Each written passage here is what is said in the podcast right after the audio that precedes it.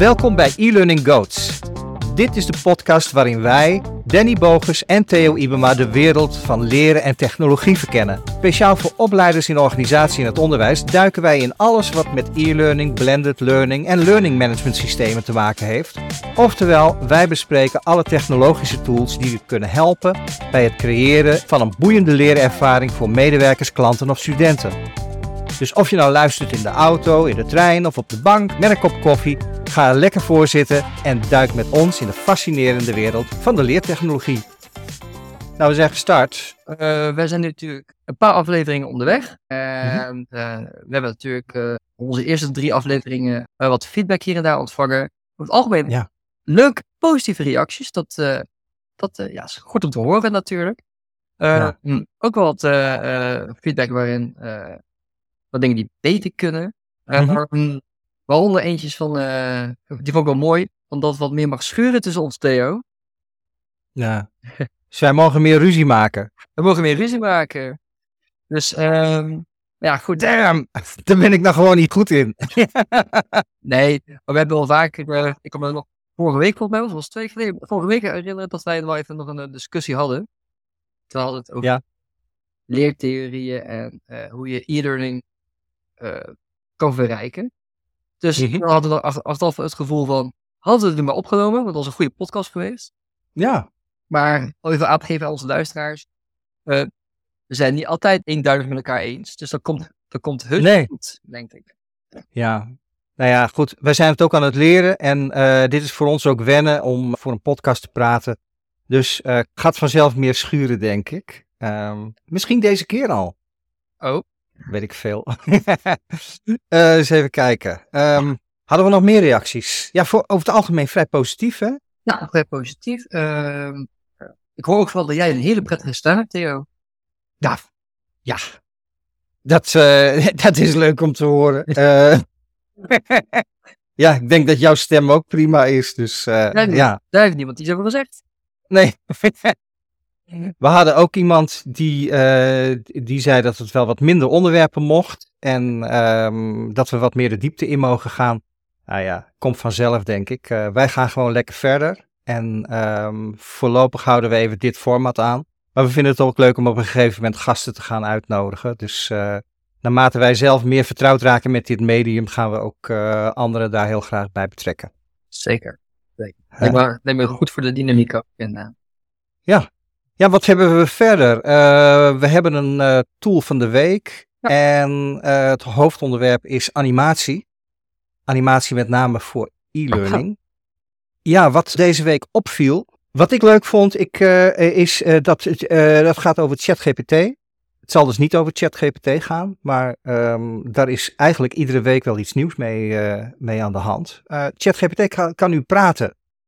Als je de app hebt, kan je daarmee een gesprek voeren met ChatGPT. klinkt het ook een beetje. Ja, op zich is het eh, heel goed. Klinkt heel natuurlijk. Ehm, maar het blijft ChatGPT, dus eh, zo vriendelijk en zo uitgebreid als hij altijd antwoordt, dat doet hij nu ook weer. En eh, wat ik ook gemerkt heb, hij probeert af te tasten wanneer, die, wanneer je klaar bent met je antwoord. En ik ben iemand die nogal een aarzelende manier van spreken heeft. Dus ik ben er nog half aan het nadenken over wat ik nou precies nog meer wil, wil zeggen. En dan gaat hij al inbreken. Oh ja. Ehm, dus ehm, ik vind het niet een hele fijne gesprekspartner, maar het kan wel. Je kan eh, op die manier heb je toch eigenlijk altijd iemand bij de hand om even te overleggen.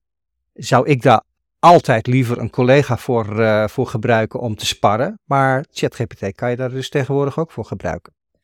Maar ik denk dat wel aan de lijn de verwachting ligt dan dat eh zo'n gesprek ook na verloop van tijd beter gaat lopen. Want Ja, Dat weet ik niet, misschien weet jij dat Theo. Want eh kijk, ChatGPT dat is eh, continu natuurlijk aan de trainen, is jezelf aan het trainen op basis van de input die wij geven en aan basis van de feedback van de gebruikers. Gaat dat ja. de, ja, ik doe het maar even toch oneerbiedig text-to-speech, zeg maar. Wordt dat ook beter op basis van de, de gebruikservaring, denk je? Of weet je dan niet? Ja, dat, dat weet ik eigenlijk niet. Je, je bedoelt alsof of de spraaksynthese, of die beter wordt op basis van ervaring. Ja, geen idee. Zoals je net uitlegt van, eh, je hebt een aarzelende manier van praten en dat die jou inbreekt. Dat die dat eh, afleert. Dat je op een bepaalde manier eh oh ja, tik op de vingers kan krijgen. soort van, door feedback te geven. Of door, door, door, door ervaring eh, ehm, Ja. Nou ja, nu zit er een knopje op waarbij je hem kunt onderbreken. Dat is Ja. heel fijn, maar dat gebruik ik dus constant. Ja, maar dat, dat bedoel ik. Want als hij dat op een bepaalde manier registreert en daardoor eh, beter wordt na verloop van tijd. Dus al die miljoenen gebruikers die het gebruiken. Ik denk, ja, ik denk het wel. Ik denk dat dit, eh, dit, soort, eh, de- dit soort dingen eigenlijk steeds beter worden. Hè? Nou, nou ik, ik ben ook aan de slag gegaan eh, met een tooltje. En dat is eh Oh ja. dan gelijk een bruggetje naar de tool van de week. Tool van de week. Dat was GPT Trainer. Dat is een eh, Mhm. online tool. Wat dat doet is eigenlijk, je kan zelf een chatbot maken. Daarbij bron, bronnen koppelen. Dus een, bijvoorbeeld een pdfje of een, of een Word document. Nou, Ja. waarom vind ik dat hartstikke leuk?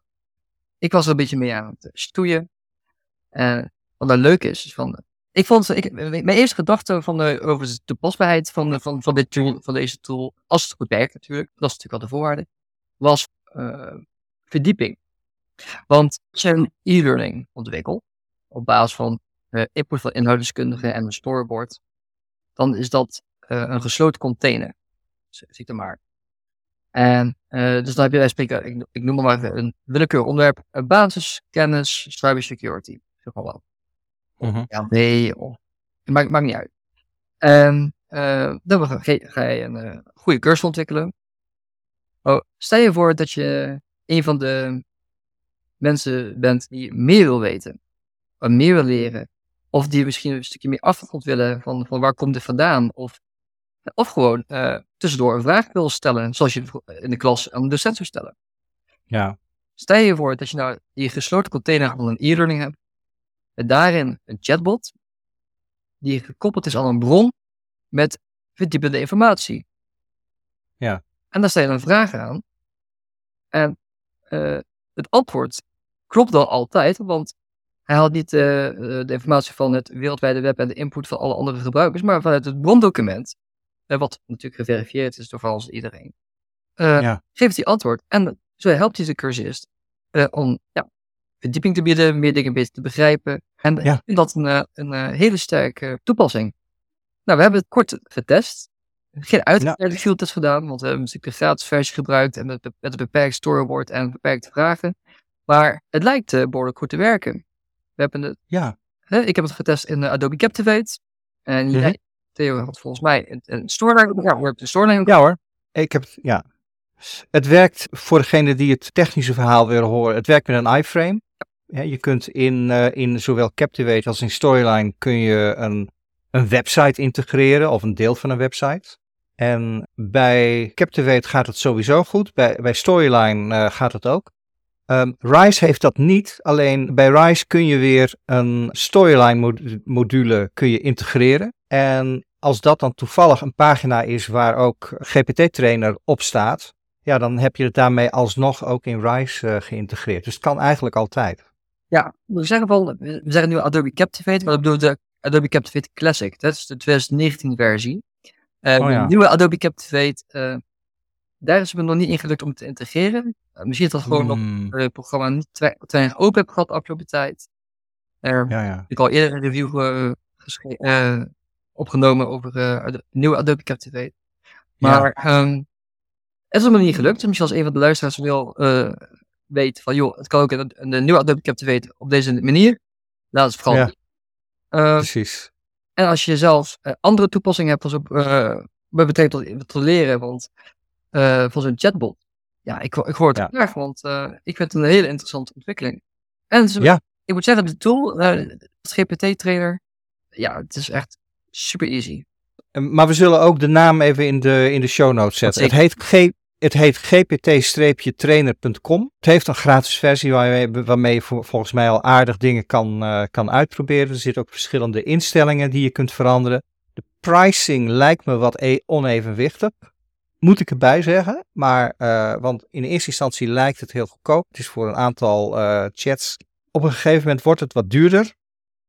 Als je het eh, veel gaat gebruiken gaat het ineens enorm omhoog. En ja, een van de dingen die ik gek vond is dat je het logootje pas weggaat als je al op een bedrag van 100, nee 99 dollar per maand zit. Terwijl Ja. ik denk, nou, als ik 59 dollar per maand zet, dan wil ik echt geen eh reclame logootjes meer zien.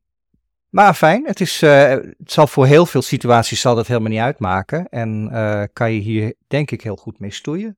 Ik, ik heb ook begrepen dat er heel veel van dit soort tools op dit moment opduiken hoor. Dus als ja, iemand anders een, ja. een andere gebruikt, die ook interessant is, laat het ons weten. Dan um, vermelden we die later ook weer. Maar deze vond, is ons opgevallen en wij vonden hem uh, eigenlijk al heel, heel interessant.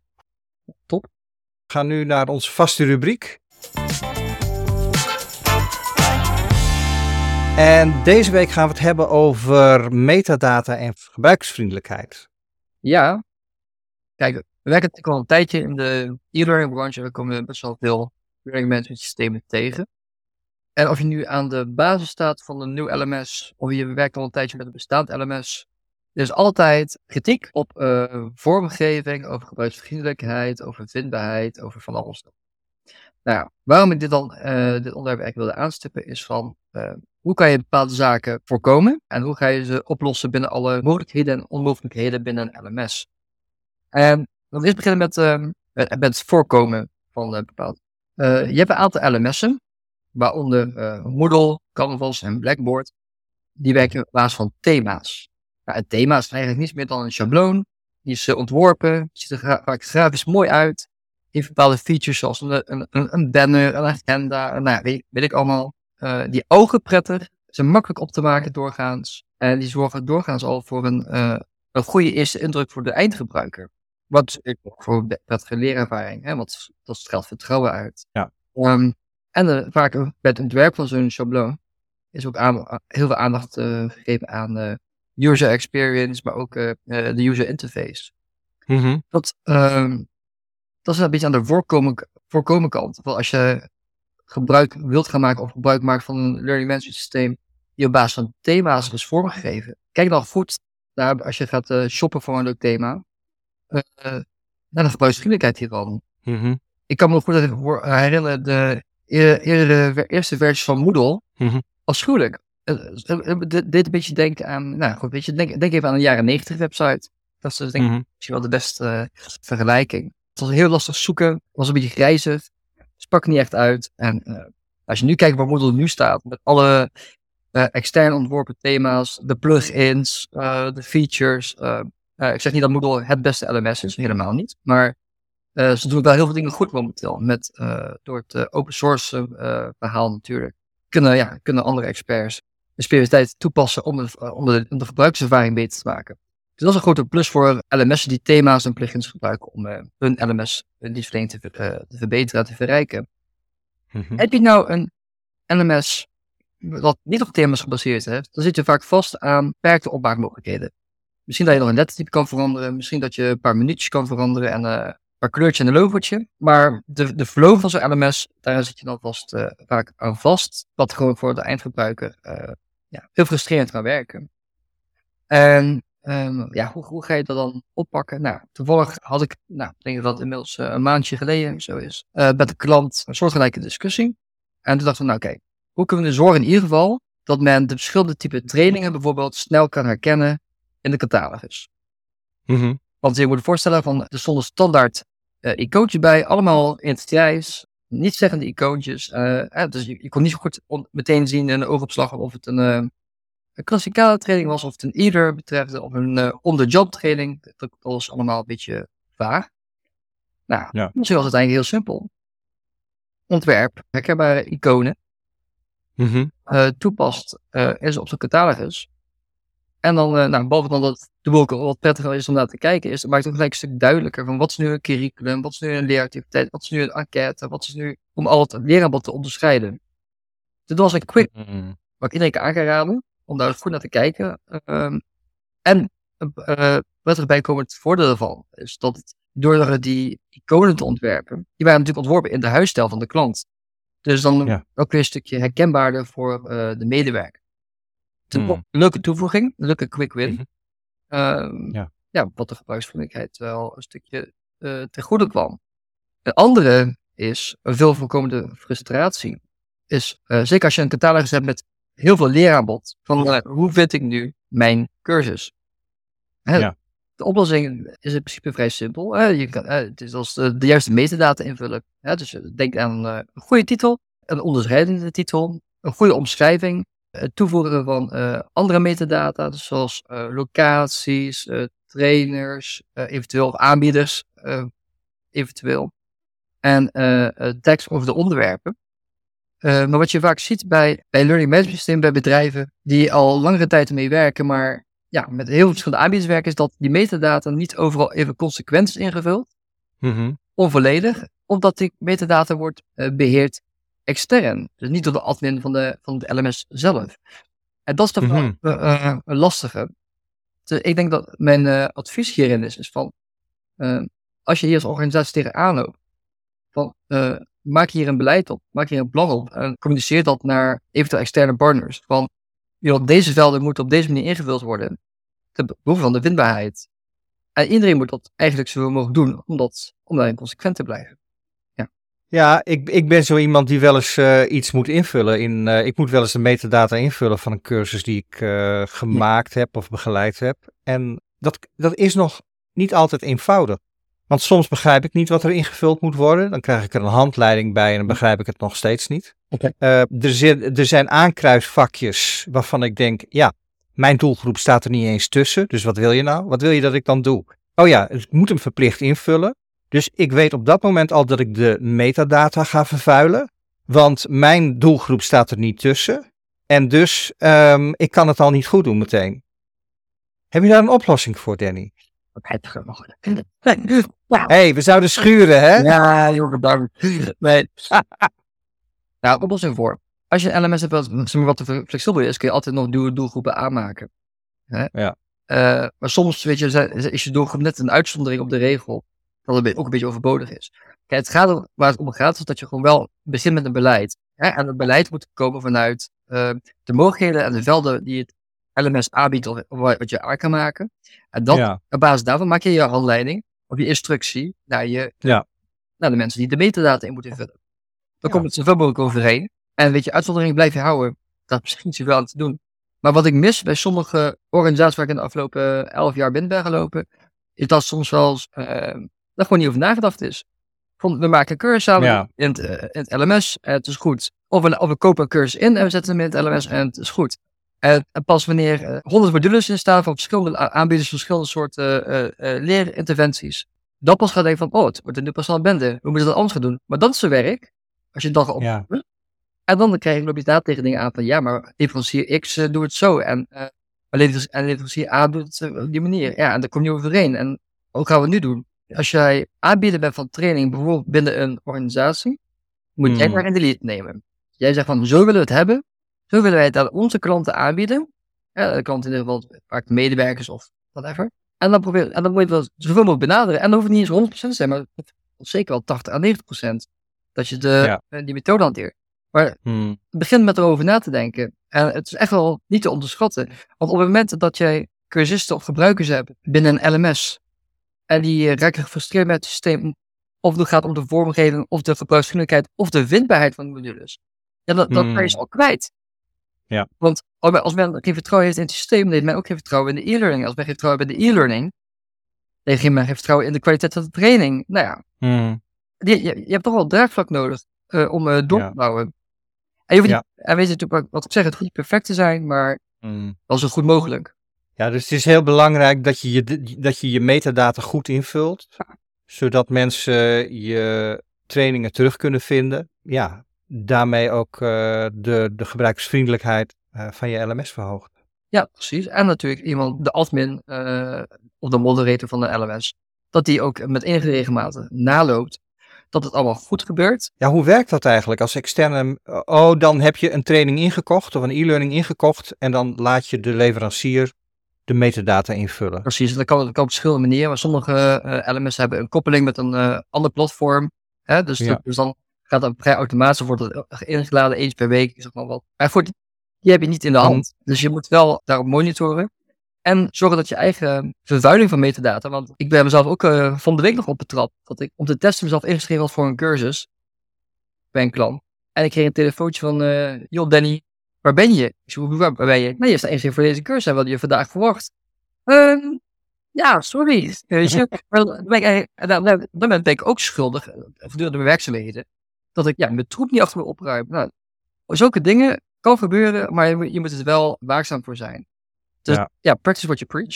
Dat is een beetje wat. Ja, een goede tip. Interessant. Ik denk dat we daar weer mee, eh, eh, mee- weer mee verder kunnen. Hé, hey, wat denk je? Zullen we naar het hoofdonderwerp gaan?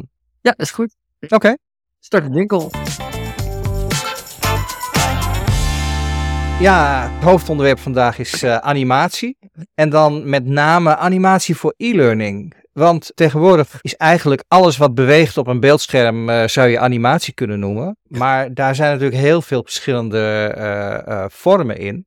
Iedere websitebouwer heeft het al over animeren wanneer die een dingetje over het scherm heen en weer laat gaan op het moment dat je scrolt. Maar als wij als e-learning makers aan animatie denken, dan hebben we het over iets anders. En allerlei manieren waarop wij animatie gebruiken. Ja, ik denk dat voor ons animatie heel erg belangrijk is. Ja, nee, eh, zeker. Nee, ja, animatie is natuurlijk iets waarbij je eh, een ingewikkeld proces makkelijk eh, kan uitleggen. Je kan het visualiseren. Het is heel handig voor storytelling. Maar dat- om een verhaal te vertellen, om een Ja. scenario te schetsen. Voor mij blijft het beter op je netvlies plakken dan een, een droge tekst. Ja. En het is fijn als zo'n verhaal ondersteund wordt door een prettige, prettige stem. Dus dat, is, ook als je ogen even van het scherm af zijn, dat je nog steeds het verhaal kan volgen.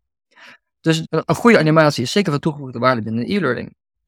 Ik denk de reden dat animatie zo belangrijk is, is omdat het de aandacht vestigt. Eh, bij, ons mensen, de manier waarop ons visuele systeem werkt, is onze aandacht wordt heel snel getrokken naar datgene wat beweegt. Dus als wij een naar een stilstaand scherm kijken, als daar ineens iets op beweegt, dan is dat waar de ogen naartoe gaan.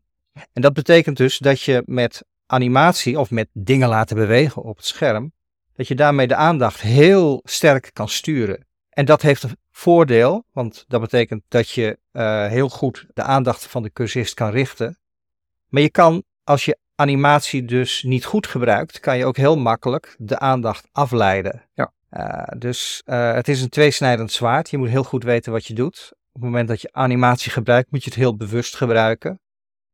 Ehm, er zijn verschillende niveaus waarop je met animatie kan werken. Dus je hebt op het, op het niveau van de interface, dan is dat wat er gebeurt als je op een knopje drukt. Komt er dan iets, verschijnt er dan gewoon tekst? Of verschijnt er een panel in beeld? Op het moment dat je een schuif beweegt bijvoorbeeld, en als er dan iets in beeld ge- geleidelijk verandert, wat eh, overeenkomt met die schuif, dan is dat eigenlijk al een animatie. En dat zijn het soort animaties wat de gebruiker het gevoel geeft dat de cursus levend is. Dat het, dat het iets, is wat niet alleen maar in de computer zit, maar wat hij echt kan vasthouden en wat tastbaar wordt. Dus het wordt als het ware tactiel.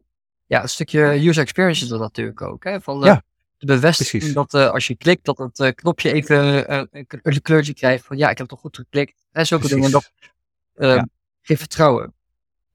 En dat is niet alleen of het beweegt, maar geluid is daarin ook zo belangrijk. Of het even een heel klein prettig geluidje geeft. Ehm, en het is zo makkelijk om dat achterwege te laten. Want het, ja, als je het niet doet, werkt het ook wel. Maar het voegt enorm veel toe voor de gebruiker als dat prettig voelt. Ja, daar is Apple natuurlijk eh, een, eh, een, een bedrijf wat daar helemaal bedreven is om gebruikersinterfaces eh, helemaal met animatie en met audio, om daar helemaal een, een beleving van te maken. Maar ja, eh, en ik weet best wel dat we bij e-learning vaak niet tijd nemen om daar eh, veel aandacht aan te besteden. Eh, tenzij we een mooi template gebruiken waar het al in zit. Dat is natuurlijk ook heel goed. Ehm, maar het is wel erg belangrijk. Het is net even iets meer tijd erin steken, waardoor het voor de, voor de gebruiker echt lekker aanvoelt. Als iets wat, wat je erbij trekt, als het ware. Het, is een beetje, het heeft ook een raakvlakken natuurlijk met het eh, verhaal over de- dat eh, learning management systeem. Hè? Van, het moet allemaal, Zeker. moet allemaal op elkaar kloppen. Van als het, het Ja. gaat vertrouwen in het systeem en de inhoud ervan. En het moet gewoon, eh, ja, inderdaad, weet je, ja, dat precies. is ook een mooi woord. Tactiel, ja. Het volgende niveau, dat is animatie op titelniveau. Dus ja, je kan, je kan het niet doen. Je kan gewoon titels in beeld laten verschijnen op het moment dat er een nieuwe dia komt. Maar je kan hem ook in beeld laten komen. Hè? Dat noemen ze vaak motion graphics. Motion graphics is in feite het op een leuke en mooie manier tekst en eh, logo's in beeld laten komen. Nou ja, dat ken je heel goed van uh, PowerPoint bijvoorbeeld. In PowerPoint kan je heel makkelijk animatie toevoegen. En uh, dat is ook een beetje saai eigenlijk. Want ja, niemand zit te wachten op een PowerPoint-presentatie. Waarbij voortdurend bullets in beeld komen. En tegelijkertijd, op het moment dat dat goed gebeurt en tekst op het juiste moment in beeld verschijnt, draagt dat wel enorm bij aan de manier waarop je die informatie opneemt. En uh, is dat wel degelijk een, uh, iets wat je goed kan doen. En het is ook iets wat je slecht kan doen. Door het niet op, niet op het juiste moment in beeld te laten komen. Doordat er wat er gezegd wordt in de voice-over, als dat niet overeenkomt met wat er in de tekst staat. Zijn dat allemaal dingen die afleiden. En zodra iemand in de war, uh, war raakt, dan ja, ben je hem eigenlijk al een beetje kwijt. En moet je maar hopen dat je op een ander moment zelf het weer, weer terug kan pakken.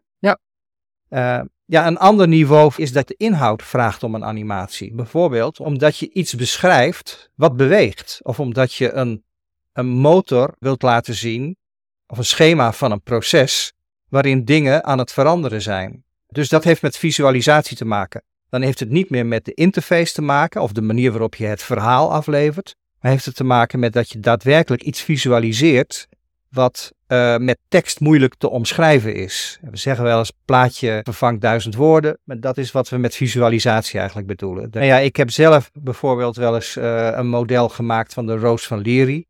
Dat is een, een, model wat in management heel vaak gebruikt wordt om gedrag te beschrijven, waarbij mensen van de ene naar de andere gedragssoort uh, veranderen.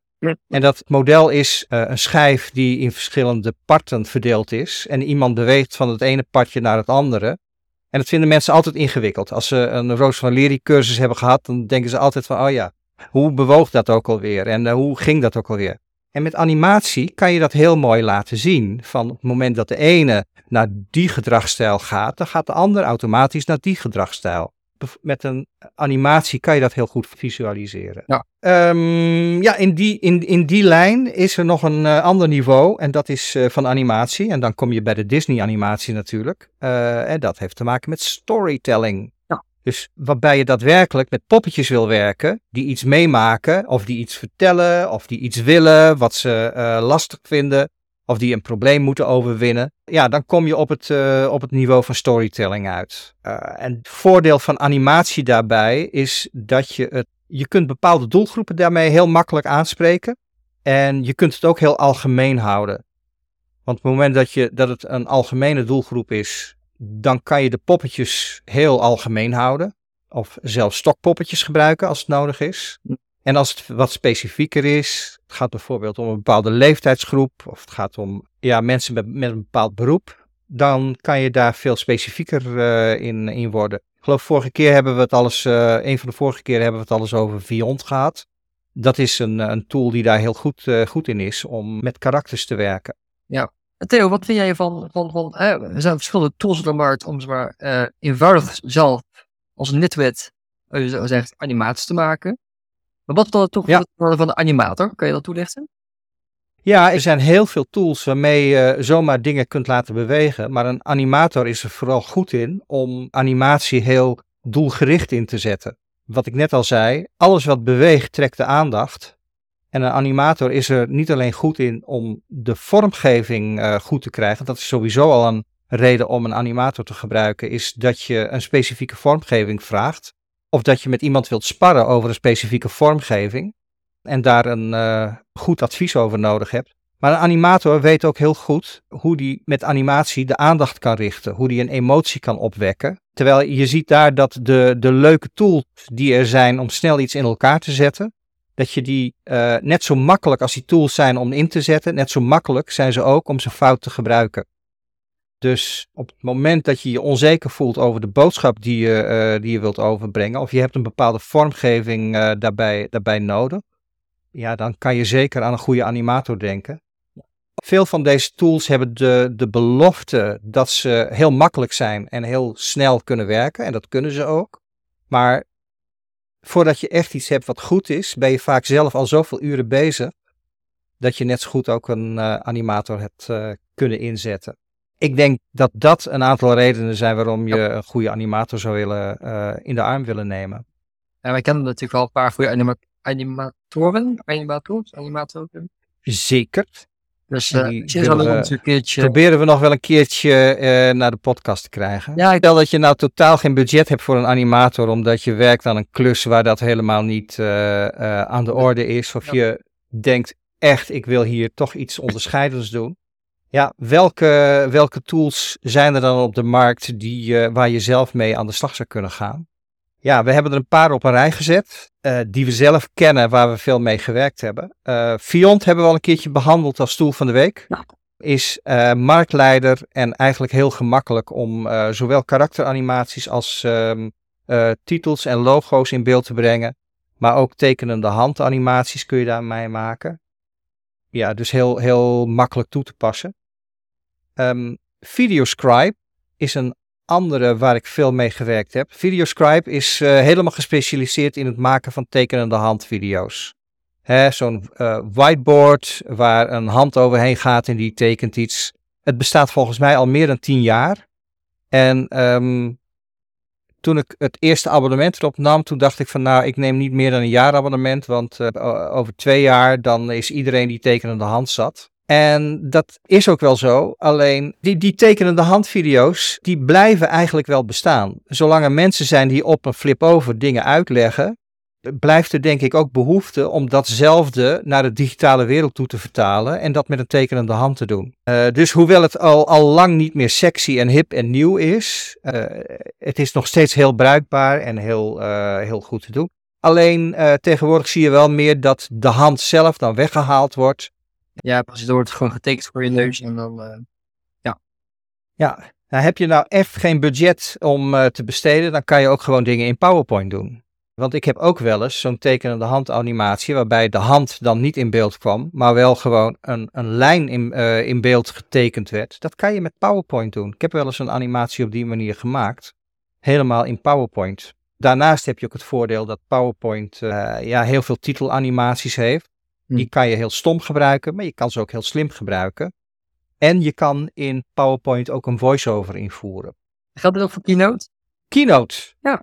Eh, ik heb wel eens dingen in Keynote gedaan. Maar Die van, namelijk? van Keynote weet ik niet of, of die een, ehm, een lijn kunnen animeren. Dat ken ik eigenlijk alleen van PowerPoint. Dat je erin kan tekenen.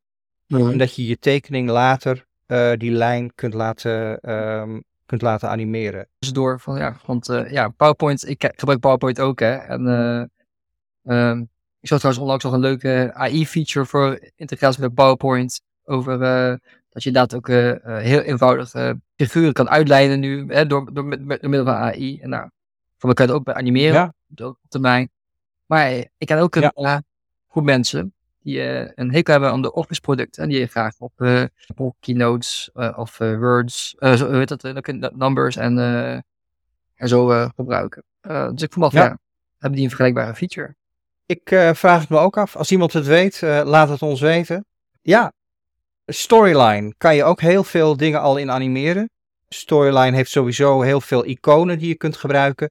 Je kan eigenlijk precies hetzelfde als wat je met, met PowerPoint kan doen. Niet een lijn laten verschijnen. Zover gaat het dan, eh, dan weer niet. Maar je kan wel eh, ja, hele leuke animaties maken door gewoon poppetjes in beeld te laten verschijnen. Eh, ja, ik heb best wel explainers gemaakt puur in Storyline. Die ik dan exporteerde als video en Ja. helemaal niet als e-learning.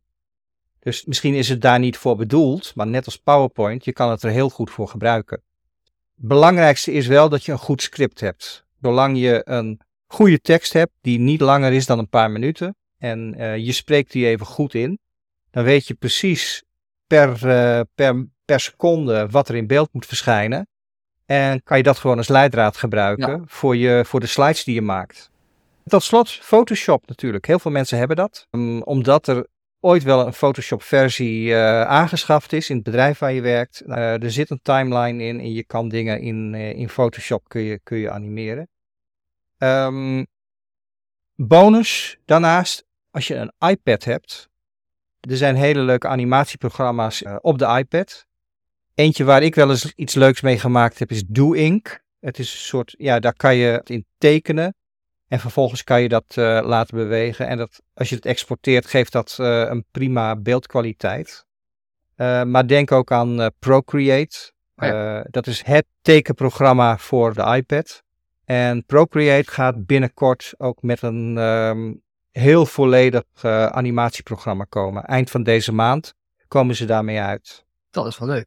Daar ga ik ook een beetje mee uh, Ja. Was dat er alweer dan? Dat was hem uh, al, alweer. Ja, um, natuurlijk, die kunnen natuurlijk nog even, als we andere tools hebben die ze kunnen aanbevelen om te animeren, zij het betaald, zij het low budget, zij het no budget. Comments, ja. geef het ja. door. Uh, als je denkt van, joh, deze tool moet je echt even uh, checken en misschien een review in de podcast. Ja. Spreken. Stuur het op. Volgens iemand dat is ook weer Theo. Oh ja, ja ons e-mailadres. Reacties at e-learninggoats.nl Dat klopt inderdaad. Ja. Zal ik een afsluiting gaan doen? Ja, start de jingle. Dit was e-learning Goats, een podcast van Danny Bogus en Theo Ibema. Over twee weken zijn we er weer met een volgende aflevering. In de tussentijd zijn we zeer benieuwd naar je reacties. Die kun je kwijt op ons Instagram-account e-learninggoats of op onze LinkedIn-pagina. Als je meer wilt weten over de onderwerpen die we besproken hebben, kijk dan ook in de show notes. Daar zetten we altijd alle relevante links op en je vindt ook een link naar onze website. Vond je dit een leuke aflevering? Klik dan in jouw podcast-app op liken en volgen. Eh, dat helpt andere mensen om deze podcast beter te vinden. Bedankt voor het luisteren en graag tot de volgende keer.